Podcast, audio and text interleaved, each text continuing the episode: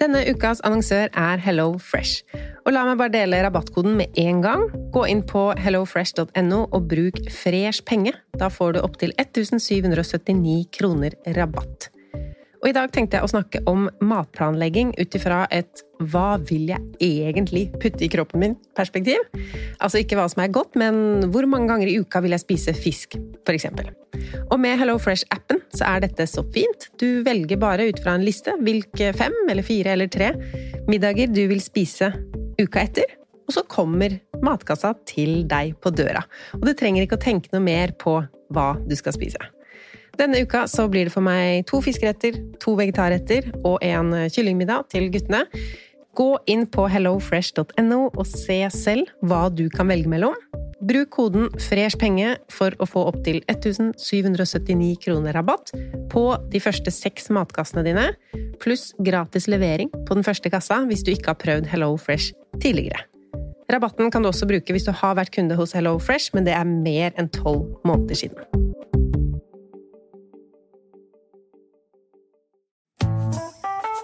Har du et enkeltpersonforetak eller en liten bedrift? Da er du sikkert lei av å høre meg snakke om hvor enkelt det er å sende faktura med fiken. Så vi gir oss her, fordi vi liker enkelt. Fiken superenkelt regnskap. Prøv gratis på fiken.no.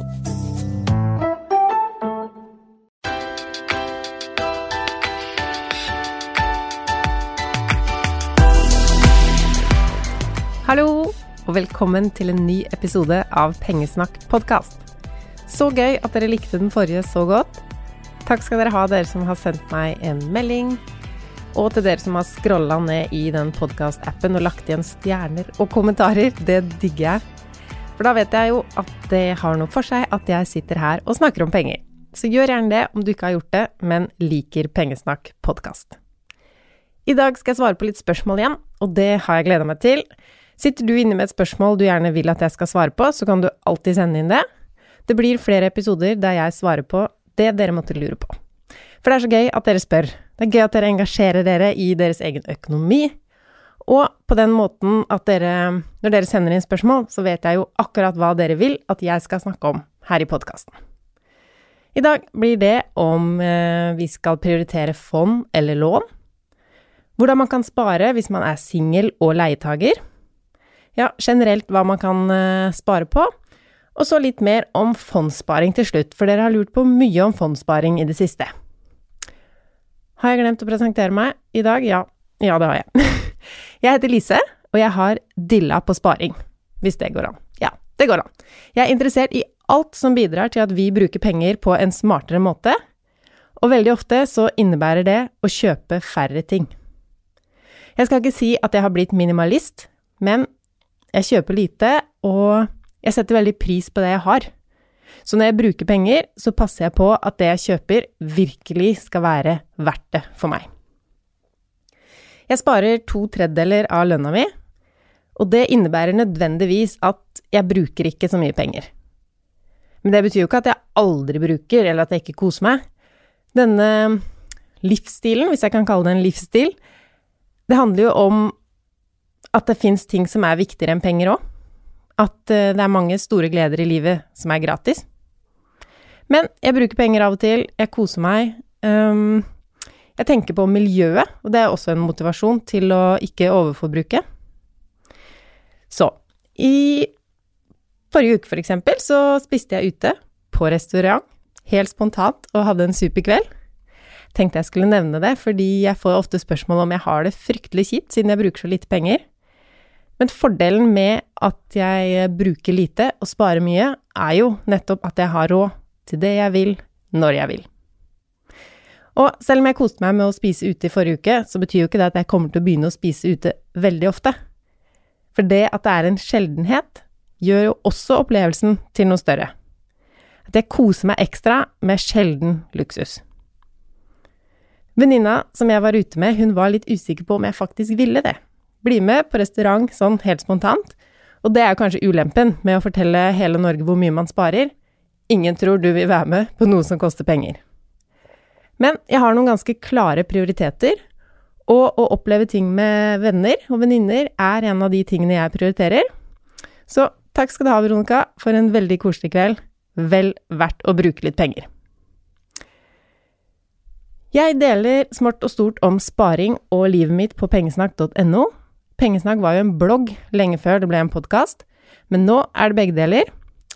Jeg er ikke en økonom, så jeg vil bare fortelle dere at de svarene jeg kommer med her i dag, det er bare synsing fra min side, så du må velge helt selv hva du vil ta bokstavelig av rådene jeg kommer med. Vi hopper på spørsmål én. Skal jeg betale ned boliglån eller spare i indeksfond først? Jeg har fulgt Dine penger i mange år, og der anbefaler de ikke å spare i indeksfond før man har betalt ned ca. 50% av boliglånet. Jeg har i dag betalt ned 50% av boliglånet, og har en sparekapasitet på 20 000-25 000 kroner per måned. Så da lurer jeg på hva dine tanker er om plassering av disse sparepengene. Altså, hvordan tenker du man skal prioritere? Spørsmålet er litt lenger, jeg må bare svare på det her med en gang.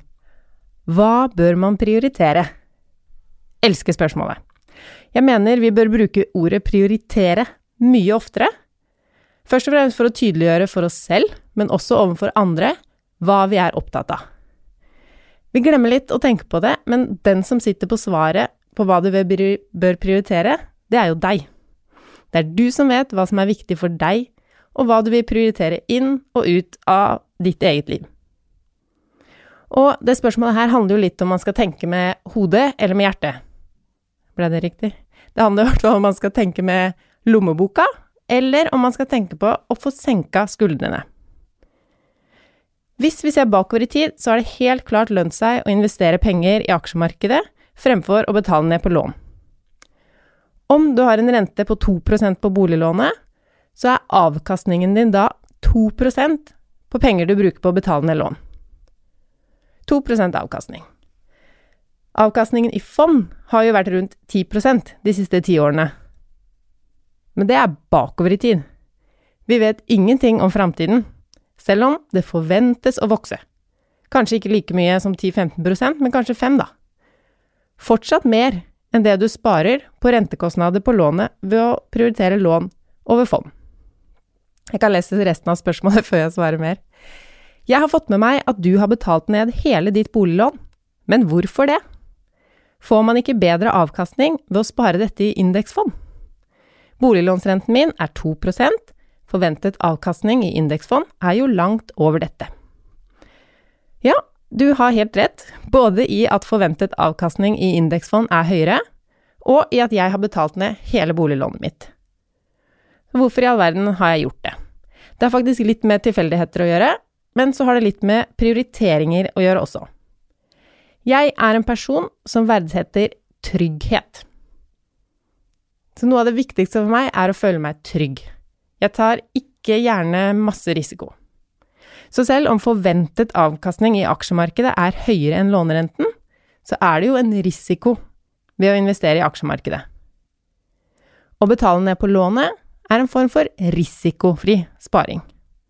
Uten risiko, men også garantert lav avkastning. Så det jeg gjorde, var en mellomting. Jeg starta med fondssparing samtidig som jeg fokuserte på boliglånet mitt. Jeg betalte ned mer på boliglånet enn banken foreslo, og økte også de eh, månedlige avdragene flere ganger.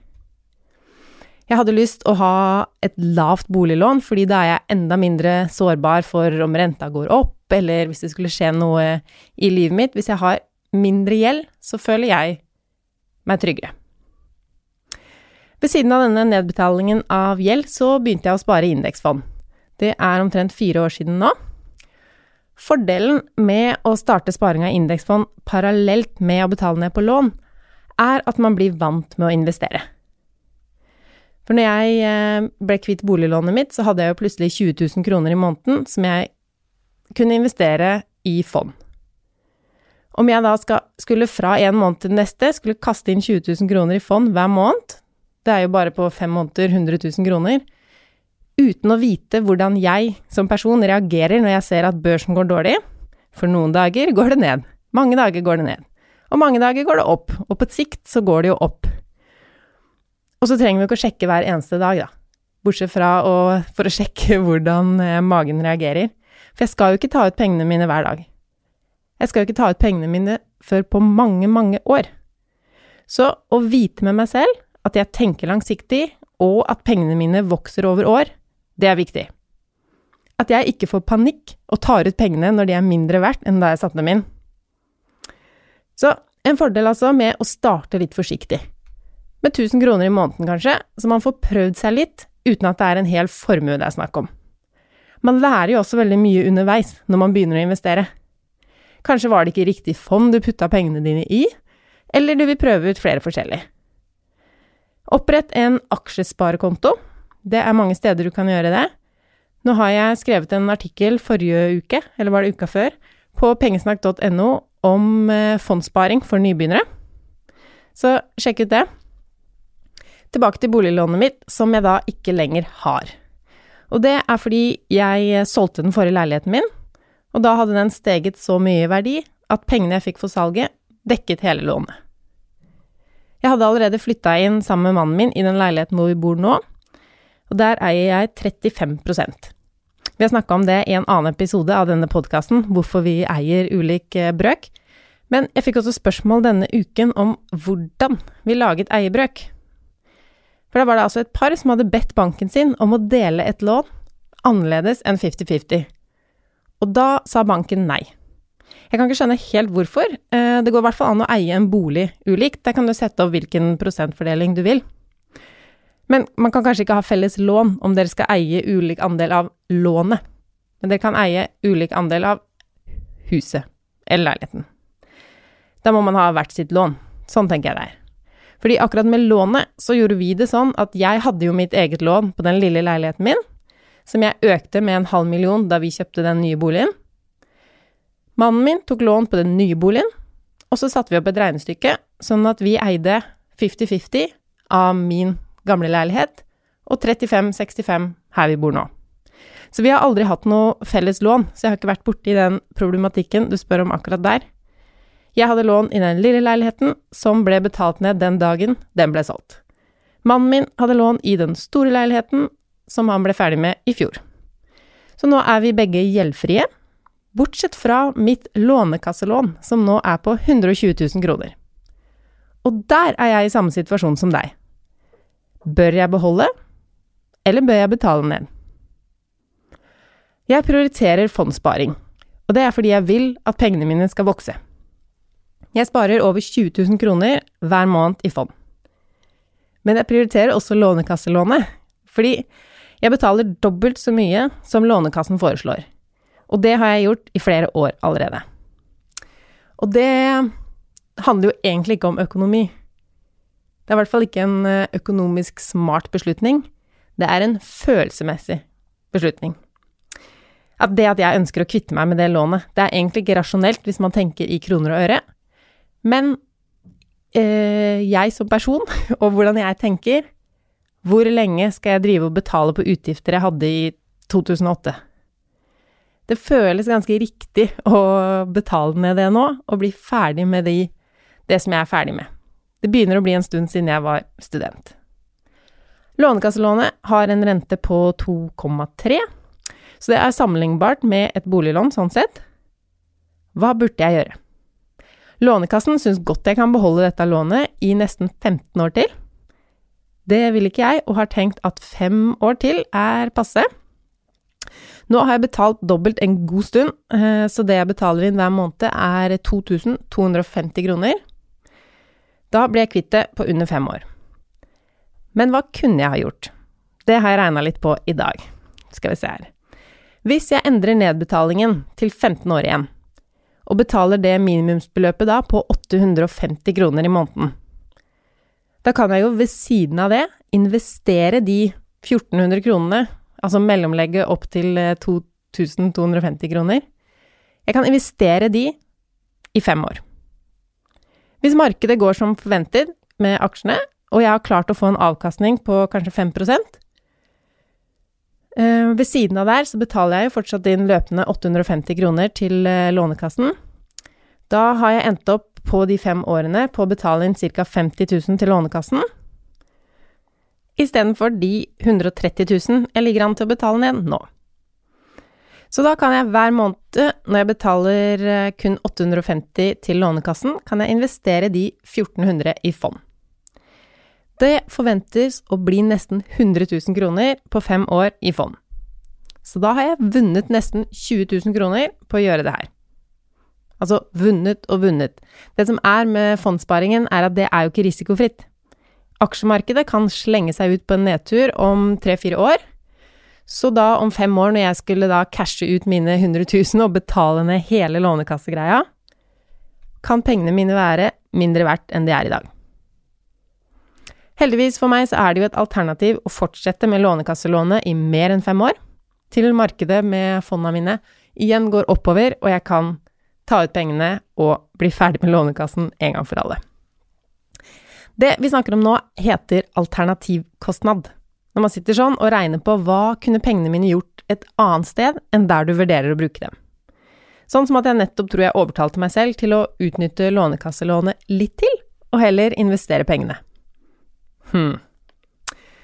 Det med å se på alternativkostnad og finne ut hva som lønner seg, kan man gjøre med nesten alt.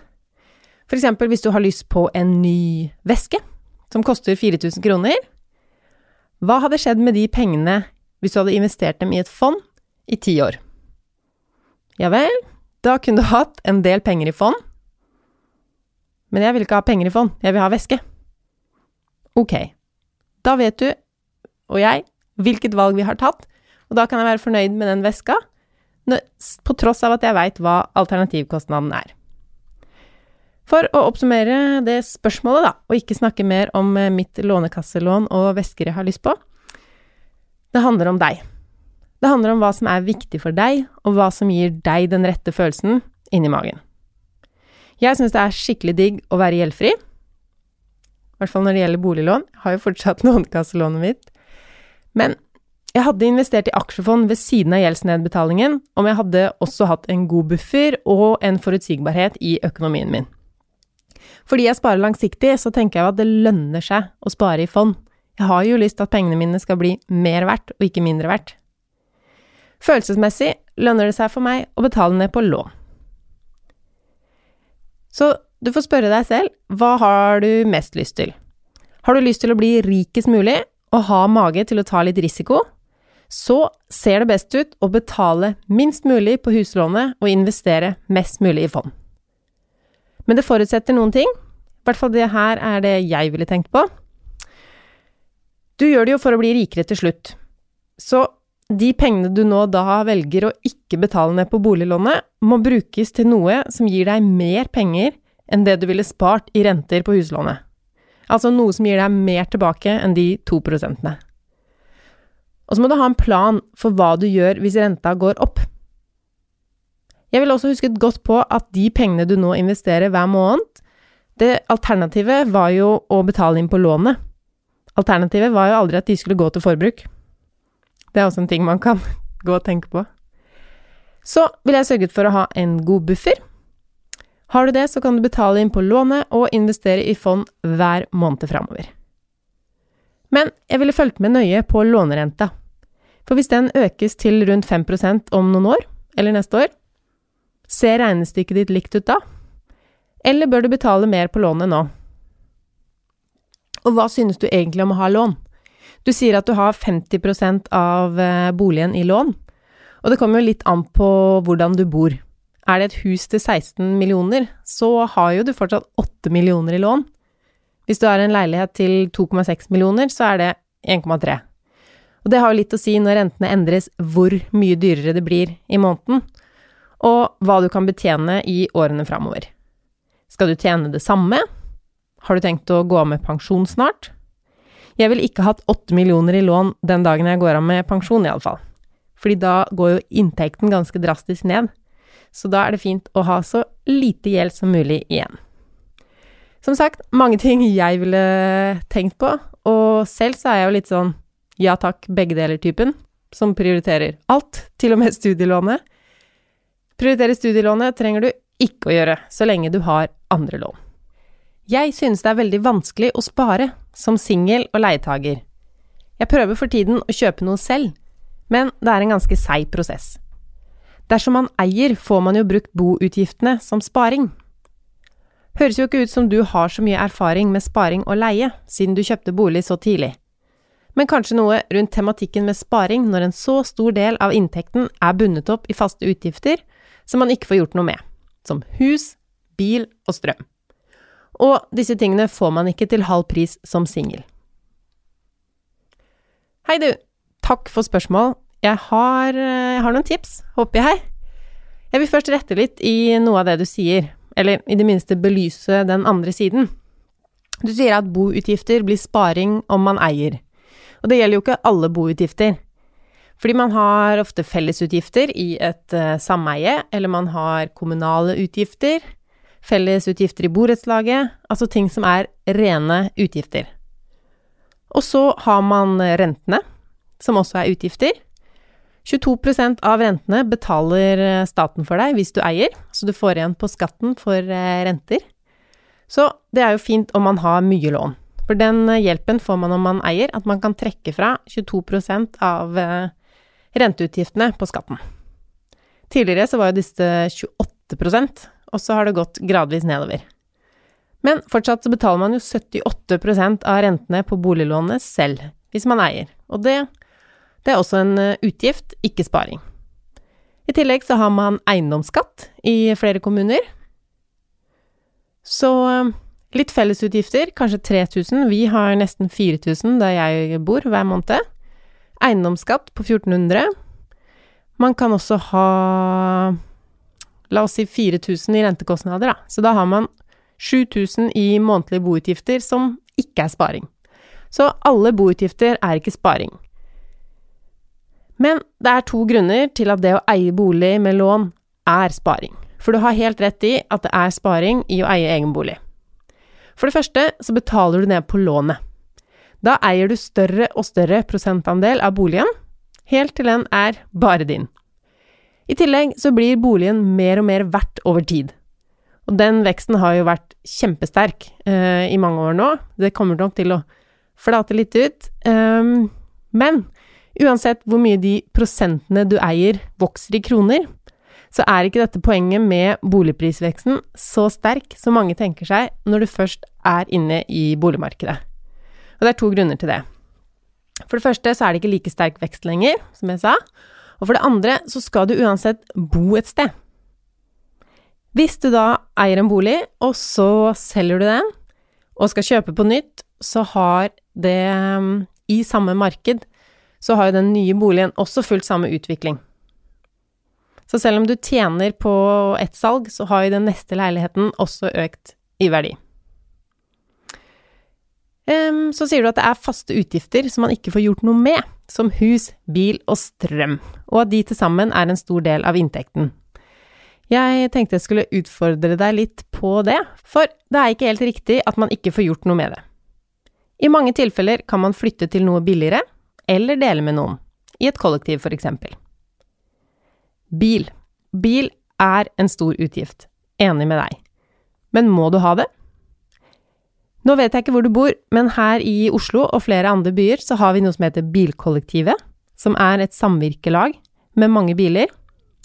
Det fins i Oslo og Stavanger, og så er det lignende ting i Bergen og Trondheim også.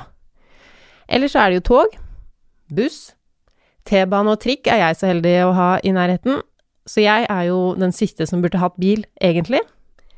Men så har jeg det, sammen med mannen min, og nå har jeg fått igjennom at vi kan leie ut den litt. Så det har vi starta med. Det finnes det flere tjenester for, som gjør det veldig enkelt og greit. Hyre og nabobil er de to jeg har fått med meg. Fordelen med disse tjenestene, hvis du ikke eier egen bil, eller bestemmer deg for at du kan kvitte deg med den, er at du kan velge bil som passer til formålet hver gang du skal ut og kjøre. Om du vil ha en større varebil, en liten bybil Og hvis du lander på at du må ha bil, så er det jo flere ting du kan gjøre. For det første, finne ut om du har riktig bil for deg. Kan du bytte til en billigere, så du raskere får spart opp til den boligen? Eller kan du kjøre mindre? Den siste der er noe man kanskje tenker litt lite på. Når man først har bil, så har man bil og bruker den. Men hvis du kjører mindre, så reduserer du slitasjen på bilen og delene. Sjansen for at noe blir ødelagt, går ned. Og ikke minst drivstofforbruket. Du kan også spare inn på å fylle drivstoff på riktige dager. Nå er jeg litt på tynt vann, for nå har jeg hatt elbil de siste fem årene, så jeg veit ikke om det er sånn lenger, men før var det sånn at hvis man fylte tanken på søndager og mandag morgen, så var det det som lønte seg mest. Sjekk det ut, så du ikke betaler for mye for drivstoff, i alle fall. Og så finnes det forskjellige kort som du kan få igjen noen øre per liter. Jeg har et Coop-kort, og jeg har sett at de samarbeider med to bensinstasjoner. Circle K var den ene, i hvert fall. Um, da kan du få øre per liter du fyller, som jo kan bli litt på et år om du må kjøre mye bil. Trumfkortet gir også bonus på Shell, tror jeg det er. Det finnes sikkert flere ordninger som gir bonus og rabatter på drivstoff, så sjekk litt opp hvordan du i det minste kan spare litt på det drivstoffet du må kjøpe. Og hvis du må ha bil, så kan du kanskje leie den ut i perioder. Vi la ut vår bil, det er eh, bare et par uker siden nå, og har leid den allerede to ganger. Eller kan du droppe bilen helt og leie bil når du trenger? Hvis du ikke har bil, så kan du faktisk kjøre en del eh, taxi også, for det samme budsjettet. Du kan bruke kollektivtrafikken mer, gå, sykle, svømme, holdt jeg på å si. Nok om bil. Kort oppsummert så er ikke bil en fast kostnad. Kjøp så lite bil du trenger, og spar resten til leiligheten du ønsker deg. Det siste du nevner, er strøm. Hva kan vi gjøre der? Eh, hvis du leier, så kan det hende du betaler et fast beløp, og da er det faktisk ikke noe du får gjort. Hvis du ikke har eh, veldig høy avtale på strømmen, så kan du jo be om å få se om den er reell for det faktiske forbruket ditt. Hvis du har eget strømabonnement, så er det flere ting du kan gjøre. For det første så kan man bytte strømabonnement. Det er ikke lett å bli klok på det der når man prøver å sammenligne de ulike tilbyderne. Så prøv å ta, kose deg en hel kveld, tenker jeg, med å sammenligne på så likt grunnlag som mulig. Sjekke både sammenligningstjenester og de enkelte strømselskapene hva Om du kan betale mindre strøm ved å bytte til dem. Så handler det om å bruke mindre. For den aller billigste strømmen, det er jo den du ikke bruker. Men noe strøm vil du helt sikkert ha, som strøm i kjøleskapet. Sånne elektriske apparater er ikke den største strømforbrukeren, heller ikke lys, men det er samtidig noe å spare på å ha i så få stikkontakter som mulig til enhver tid. Senker også brannfaren. Det som det er mest å spare på, er oppvarming, og så varmt vann. Oppvarming blir jo lettere av seg selv nå disse månedene når våren er her. Jeg kutta ned på oppvarming allerede i starten av april, men må fremdeles sette på varmepumpa ved behov.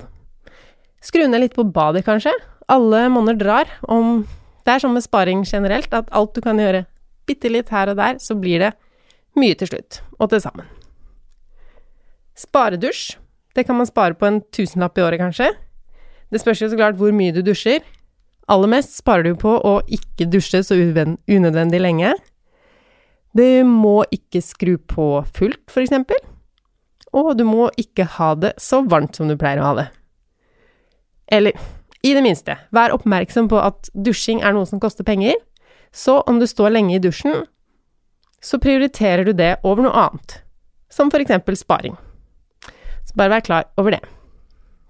Det var de, de tingene du nevnte med bolig, bil og strøm. Hva med mat? Mat er en stor utgift for de aller fleste, både familier og single. Hva kan vi gjøre?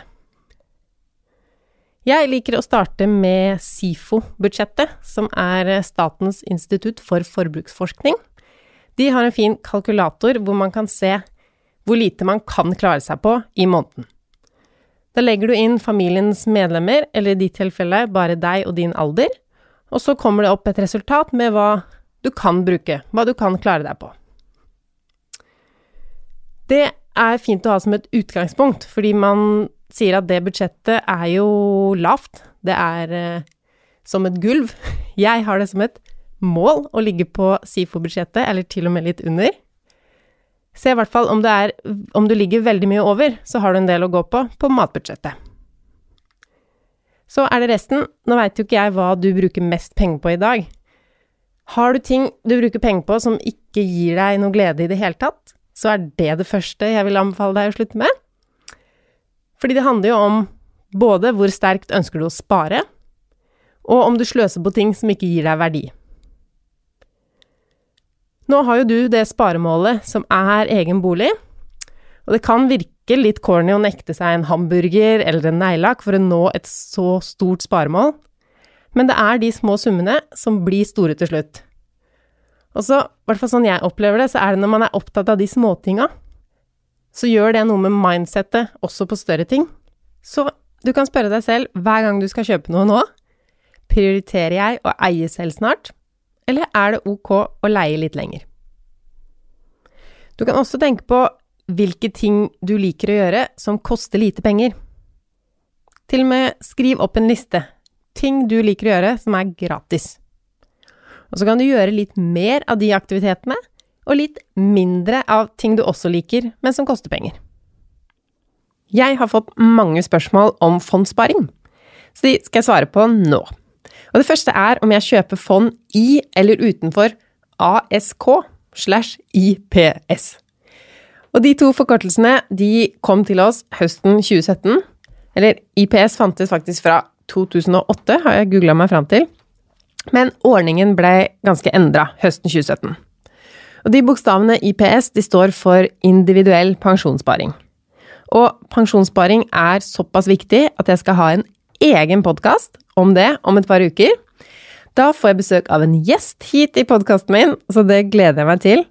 Da skal vi gi dere all info om pensjon og alt dere må vite, hvordan dere skal spare, om dere trenger å være pensjonsstressa, som mange er.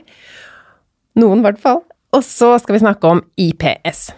Foreløpig så bruker ikke jeg IPS, og det er eh, mest fordi i en IPS-konto så låser man sparepengene til man er 62 år. Det positive med denne kontoen er skattefordelene. Blant annet så regnes ikke pengene som står på IPS-kontoen som formue når man regner ut formuesskatten. Jeg tror jo ikke at IPS eh, er noe for meg, fordi den bindinga til man er 62 år. Men det kan jo hende jeg endrer mening etter å ha snakket med pensjonseksperten neste uke. Jeg kjøper mine fond i en aksjesparekonto. Eller faktisk i tre ulike aksjesparekontoer. Jeg liker å teste ut litt forskjellig, så derfor har jeg aksjesparekonto i ulike banker. Og den forkortelsen ASK står altså for aksjesparekonto. Og fordelen med den type konto er en skattefordel. Og fordelen med aksjesparekontoen er den at hvis du selger et fond og vil kjøpe et annet, så trenger du ikke å realisere gevinsten og skatte av det første fondet du selger, når du samtidig, eller litt seinere, reinvesterer det i et annet fond. Fordi du kan beholde pengene på aksjesparekontoen selv om de ikke er i et fond, og så kan du putte de inn i et annet fond igjen seinere, uten at du da må skatte av gevinsten. I tillegg så er det lagt opp sånn at um, når du tar ut penger fra denne aksjesparekontoen, så er det de pengene du satt inn, og ikke den avkastningen du har fått, som du tar først ut. Så for å ta et eksempel, så jeg har spart 400 000 i ulike aksjefond de siste årene, og hatt en avkastning på 60 000-70 000 kroner, tror jeg det er. Og når jeg begynner å ta ut penger fra aksjesparekontoen, hvis jeg skulle gjort det nå, så er det innskuddet jeg tar ut først. Så det må jeg ikke skatte av når jeg tar ut de 400 000. Men når jeg tar ut de siste 70 000-80 000, så må jeg skatte av det jeg tar ut. Så fordelen ligger jo da hvis jeg ikke skal ta ut alt på en gang, og da kan jeg ta innskuddet ut først. Ulempen med aksjesparekontoen er vel at det er kun aksjer og fond som er registrert i eh, Norden og EU, altså i EØS-området, som du kan ha i den aksjesparekontoen. Og så må det Altså det må enten være aksjer eller aksjefond. Kan også ha en sånn norske egenkapitalsbevis, men du kan ikke investere i rentefond eller obligasjoner, sånne type fond, som har eh, størstedelen i fondet andre ting enn aksjer. Neste spørsmål hva er aksjesparekonto, og hva er et indeksfond? Aksjesparekonto har jeg svart på, og et indeksfond er en type aksjefond. Indeksfondet består av aksjer i mange ulike selskaper, akkurat som et annet fond.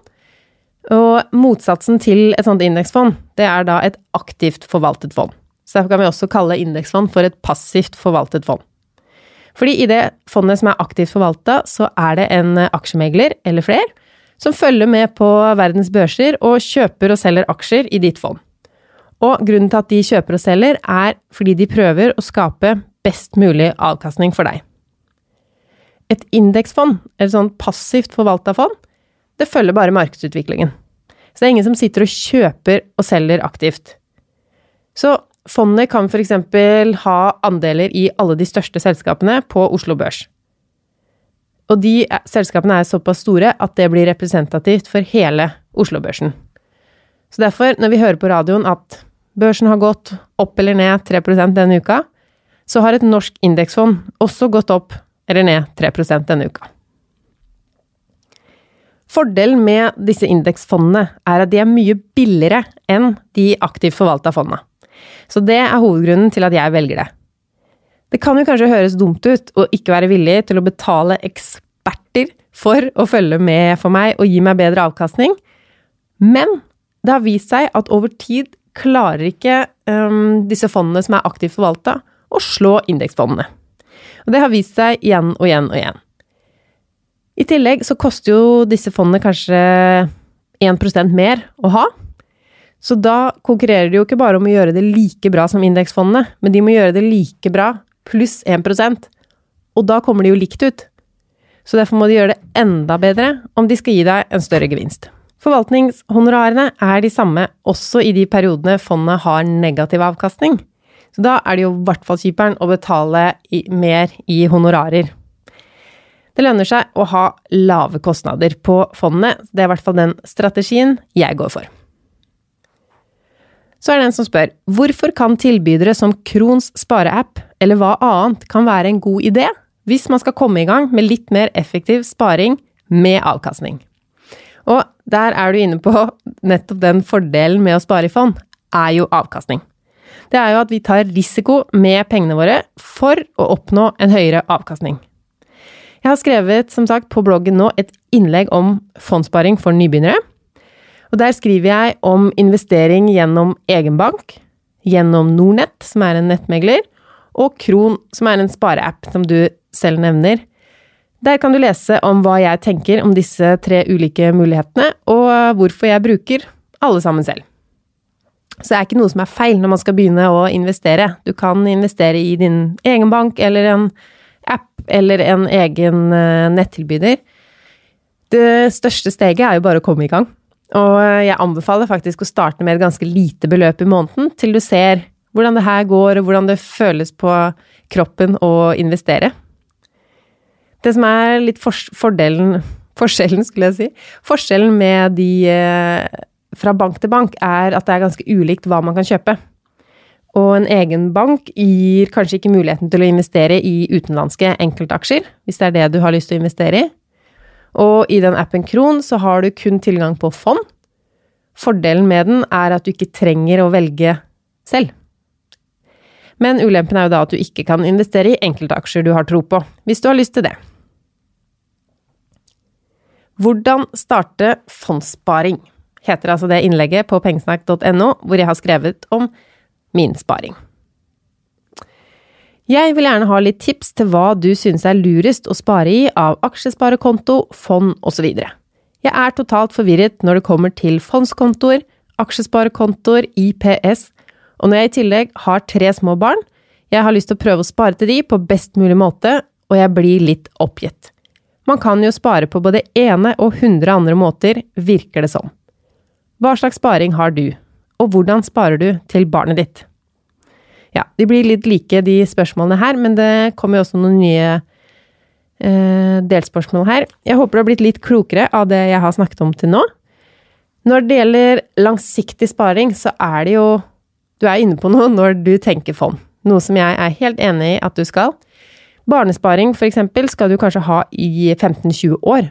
Og da får du mulighet til å ja, ta del i den verdiskapningen som skjer, da. og se at sparepengene vokser. Jeg anbefaler aksjesparekonto pga. den skattefordelen vi snakka om i stad. Og jeg sparer også i aksjesparekontoer, eh, og velger selv å spare nesten utelukkende i globale indeksfond. Og det er jo en ganske kjedelig strategi, kanskje, men eh, jeg har ikke peiling på så mange selskaper at jeg vil inn og investere i enkeltaksjer. I hvert fall ikke enda. Og så tenker jeg at den er eh, Det er ikke risikofritt. Når du legger penger i aksjemarkedet, så er det jo stor risiko, spesielt på kort sikt. Men eh, lavere risiko enn om jeg skulle gått og kjøpt eh, enkeltaksjer selv. Til barnet mitt så har jeg en egen aksjesparekonto og bruker samme type fond til han, indeksfond. Og jeg sparer til han i mitt navn. Og det er det tre grunner til. Og den første handler om noe som heter overformynderi. For i Norge så er det sånn at personer under 18 år som eh, eier Jeg tror grensa er 150 kanskje 200 000 kroner. Da er det en overformynder, og det er nå fylkesmannen, som overtar ansvaret og kontrollen over barnets penger. Og det som kan skje da, de tar jo ikke pengene, men de kan f.eks. ikke ønske å eksponere pengene for risiko i aksjefond, og heller ville sette det på en vanlig sparekonto. Så det er første grunnen til å beholde pengene i ditt eget navn. Og den andre grunnen heter Lånekassa. Lånekassa har en grense på rundt Hvis man har en formue Kan det være en halv million, da? Nei, jeg tror det er enda mindre. 300 000, si det, da. Gå inn og sjekk på lånekassa.no. De har en grense eh, som gjør at de som begynner å studere og har en formue over den grensa, får ikke stipend. De får redusert stipendet med jeg tror det er nesten en krone for krone, ja. Så jo mer formue du har, kan stipendet falle helt bort. Og det vil vi jo ikke at skal skje. Tredje og siste gode grunnen til at du skal spare i ditt eget navn til barna, er at du da har um, kontrollen. Du er fortsatt sjef over hva pengene skal brukes til. For hvis du har spart i barnets navn, så er jo pengene barnets den dagen de uh, blir voksne, fyller 18 år. Og da har de retten til å bruke pengene sånn som de vil. Så hvis du har lyst å beholde litt av eh, Hvis du har lyst til å ha noe du skulle ha sagt når det gjelder hva, at pengene ikke skal gå til en eh, fancy russebuss eller en sydenferie, men til for eksempel eh, Ja, det er jo mange som vil at de pengene man sparer til barna, skal brukes til bolig eller utenlandsstudier. Hold sparingen i ditt eget navn. Og så er det jo en endring som skjedde for noen år siden som eh, på det med arveavgift. For det sterkeste argumentet tidligere for å spare i barnas navn, var jo å unngå arveavgift når barnet skulle få disse pengene. Og nå er jo arveavgiften borte. Så nå kan man gi barnet sitt penger uten arveavgift, men det, det kan jo komme tilbake. Så man kan jo følge litt med på det og se om man vil endre strategi på om man skal beholde sparinga i sitt eget navn, eller spare mer i barnets navn. Men da må man i det minste passe på disse grensene til eh, Lånekassa og overformynderi. Start å spare i fond slash aksjefond. Hvordan starter man? Hvor skal man søke informasjon? er det en som har spurt om. Og akkurat nå så kan du søke informasjon på pengesnakk.no. Der linker jeg også til et annet innlegg jeg har skrevet, som heter Fem ting du må vite før du starter fondssparing. Og da kommer jeg også inn på litt eh, begreper som du kan eh, google. Det fins masse bra info rundt om på internett. Og så handler det jo om å sette i gang. Det er ikke så mange ting du må vite, Eh, men eh, selv så veit jeg at jeg ville lese veldig mye før jeg begynte å investere. For det kan virke veldig skummelt å skulle satse pengene sine, og hvor stor er risikoen, og hvordan skal man lese ut risiko? Jeg visste jo ikke om dette med aksjer var som å satse på hest, eller Ja. Det jeg i hvert fall har funnet ut, og sånn det er, det er stor risiko på kort sikt. Børsen kan gå masse ned i morgen, eller masse opp aksjemarkedet svinger, og det kan være store svingninger. Men selv om det svinger opp og ned, så har det alltid svingt mest oppover.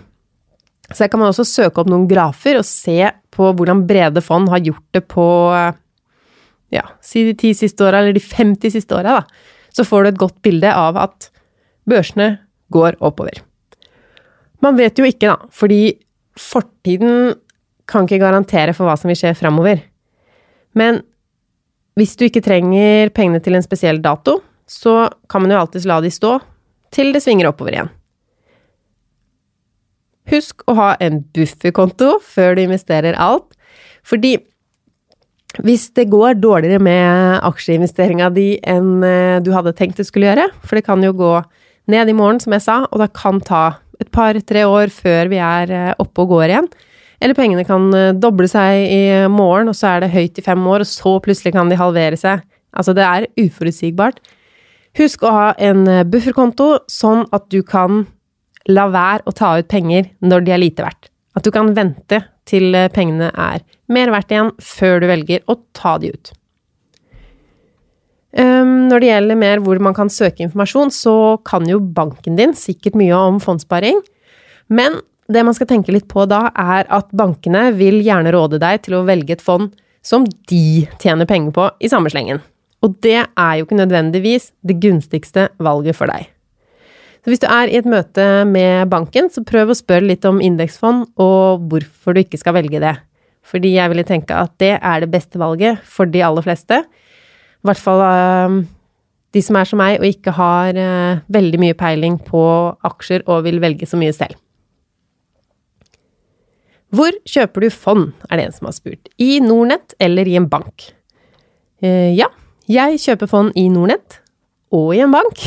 Og det kan du lese mer om på pengesnakk.no nå, i det innlegget som heter Hvordan starte fondssparing. Dere, tusen takk for i dag. Det har vært gøy, som eh, alltid, å få sjansen til å svare på spørsmålene deres. Tusen takk for tilliten. Og husk på at jeg ikke er noen ekspert, da, så ta, ta alt jeg sier med en eh, klype salt, og gjør research selv også. Hvis du lurer på noe eller har innspill, så kan jeg kontaktes på lise at pengesnakk.no. Jeg er på Instagram og syns det er veldig stas å få snakke med dere der. Der er det jo også mange av dere som har delt hvor dere hører på podkasten, og det er så gøy å se. Pengesnakk heter jeg på Instagram, og så er jeg jo alltid på pengesnakk.no, da. Vi snakkes!